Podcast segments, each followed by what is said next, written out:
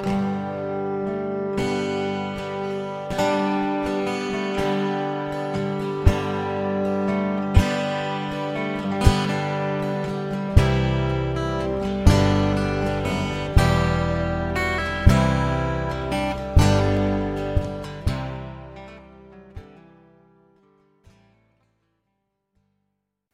het zo zijn dat er DNA-segmenten zijn die zo oud zijn dat je niet meer kan voorstellen wat, wat eh, feitelijk de afkomst is? Zou dat kunnen? Oké. Sticky DNA-segments? Ooit gehoord van deze term?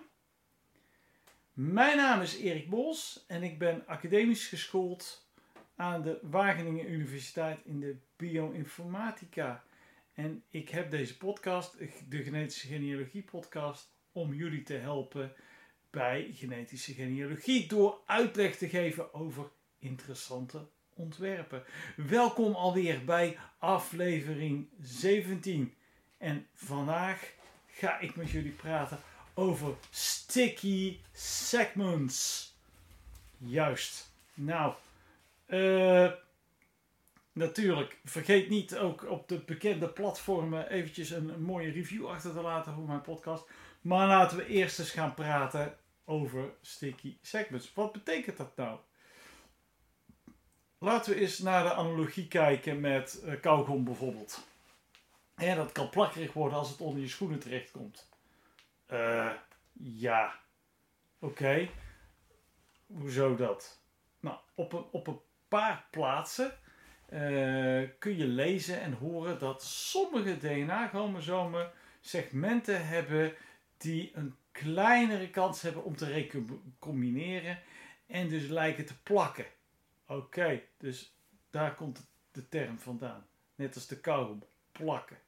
Segmenten welke schijnbaar een kleinere recombinatieratio hebben en uh, onveranderd worden uitgewisseld. Gebeurt dit? Ja, zeker. Zijn dit speciale segmenten? Nou, waarschijnlijk niet. Maar laten we eens een gedachte-experiment doen. Hè? Net zoals Albert Einstein, die vroeger zo vaak deed. Gedachte-experimenten. Dat is leuk. Oké, okay, uh, Stel nou eens voor dat je een hele grote taart hebt. Ik krijg er al honger van als ik eraan denk. Maar goed. Een hele grote taart en een heel klein koekje. Nou moet je weten, ik heb twee honden. En een daarvan die is bang, die durft mijn kantoor niet binnen te komen. Maar de andere die is niet bang, heel enthousiast. Zijn grote uh, Pyreneese berghond. En stel je nou eens voor dat ik die uitnodig om mijn kantoor hier binnen te komen. En eh, die is gehaast en ik heb op de vloer heb ik die grote taart neergelegd en dat kleine koekje. En die hond komt binnenstormen. Is er dan een grotere kans dat de hond tijdens het binnenstormen uh, de taart aan rent dan dat hij op het koekje stapt of niet?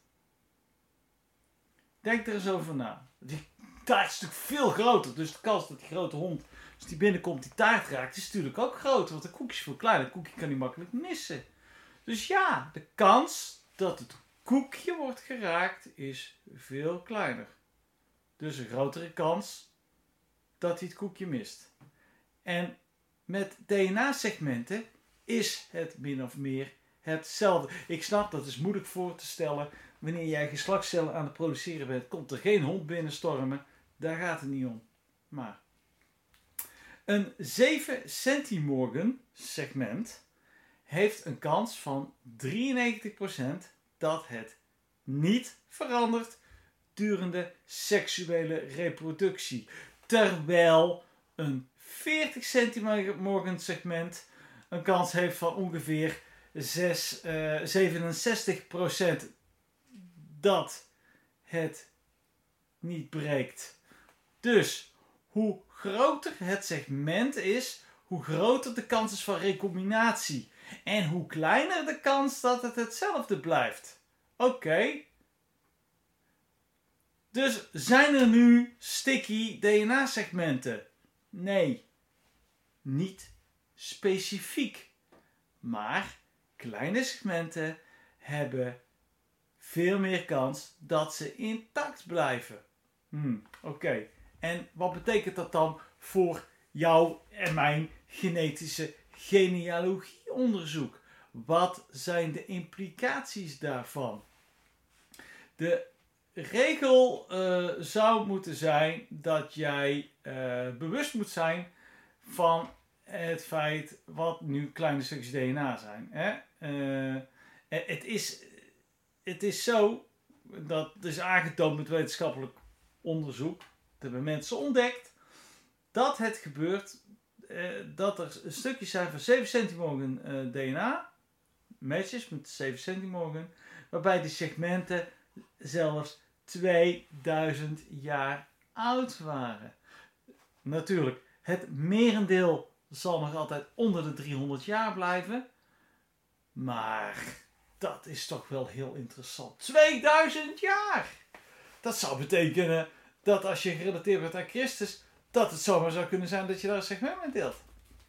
Jammer en alleen dat we daar geen DNA-samples van hebben. Maakt het wel des te interessanter om ook uh, natuurlijk te gaan samplen naar DNA in de wat oudere graven. Als je daar natuurlijk ethische principes voor aan de kant wil zetten. Hè? Je mag de doden toch niet verstoren. Maar goed. Uh, ja. Uh, nog steeds is, geldt het zo dat het merendeel van de uh, 7 centimorgan segmenten ook onder de 300 jaar is. Maar maak je niet te veel zorgen. Wanneer je in de range van de 20 centimorgan stukken komt, dan zijn die zelden ouder dan 300 jaar. Zo, nu begrijp je wellicht waarom het zo moeilijk is om uh, je drie segmenten 20 centimorgen in total matches te vinden. Hè? Dus drie segmenten uh, die samen 20 centimorgen zijn. Dus wat hebben we dan? Uh, 2 van 7 is 14, 1 van 6. Uh, dan kom je aan die 20. Die kunnen dus honderden jaren terug in de tijd zitten. Waar het niet natuurlijk dat wanneer je drie segmenten met iemand anders deelt, dat niet heel waarschijnlijk is. Het is waarschijnlijker dat dit gaat dat, dit, dat we het hier hebben over de enkele segmenten. Hè? Dat je een match hebt met iemand van 9 centimorgen. Nou, ga die maar eens vinden. Het is mij wel eens gelukt.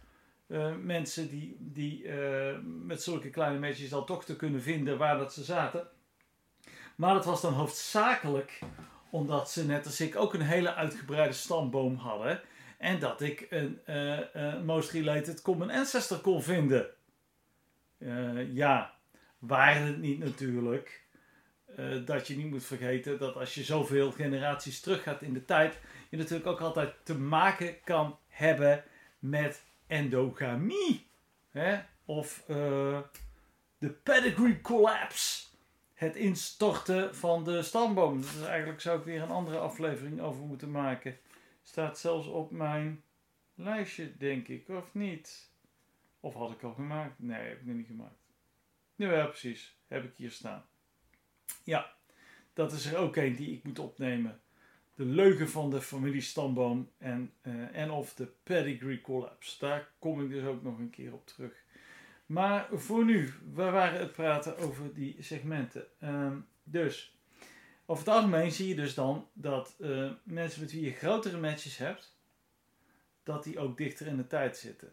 Dus er is geen exacte formule, want nogmaals, hè, het opdelen van het DNA is een, is een random event. Er vindt een recombinatie plaats. Dat recombinatie zit een bepaalde toevalfactor in.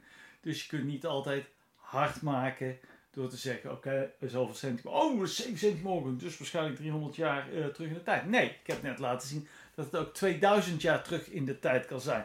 Alhoewel dat uitermate zeldzaam is. Het is ook niet zo dat als je 20 centimorgen hebt, uh, dat het automatisch veel dichterbij is. Ook, ook dat zou verder kunnen, verder kunnen zijn. Hè, we weten ook, naarmate dat eh, DNA-segmenten dichter bij de centromeren komen van de chromosomen. En de centromeren, dat zijn eh, wat je op de tekeningen vaak ziet, die rondjes in het midden van het chromosoom. Wanneer het chromosoom vormgegeven wordt als een vlinder. Wat natuurlijk sowieso een hele rare vorm is. Want die vorm heeft hij alleen maar eh, tijdens de celdeling. En eh, ja, als je dichter bij die centromeren zit, dan. Pak even een slokje water ondertussen. Als je dichter bij die centromeren zit, dan eh, is het moeilijker om eh, eh, in de war te raken, in de knoei te raken met de chromosoomarmen van de het andere chromosoom van het paar. En wordt de kans op recombinatie dus kleiner. Dus dat speelt ook een rol. Dus dichter bij de centromeren zijn de segmenten wat meer onveranderlijk. Ja, dus die kunnen ook automatisch verder terugzetten. Dat is de kennis ook die je kan gaan gebruiken wanneer je bijvoorbeeld een chromosoombrowser in gaat zetten. Om te kijken waar precies op de chromosomen zit dit gemeenschappelijk segmentje aan DNA. Hele interessante materie. Uh, voor dusver sticky segments, ja. Uh, we hebben dus geleerd dat kleinere DNA-segmenten een kleinere kans hebben om te recombineren en dus een grotere kans hebben om ouder te zijn en om meer generaties terug te lopen. Dit was mijn aflevering voor vandaag. Ik hoop dat je het leuk en interessant vond en dat je er wat van hebt geleerd. En ik zou zeggen, tot een volgende podcast. De muziek is gemaakt door Airtone en is vrijgegeven via een Creative Commons licentie.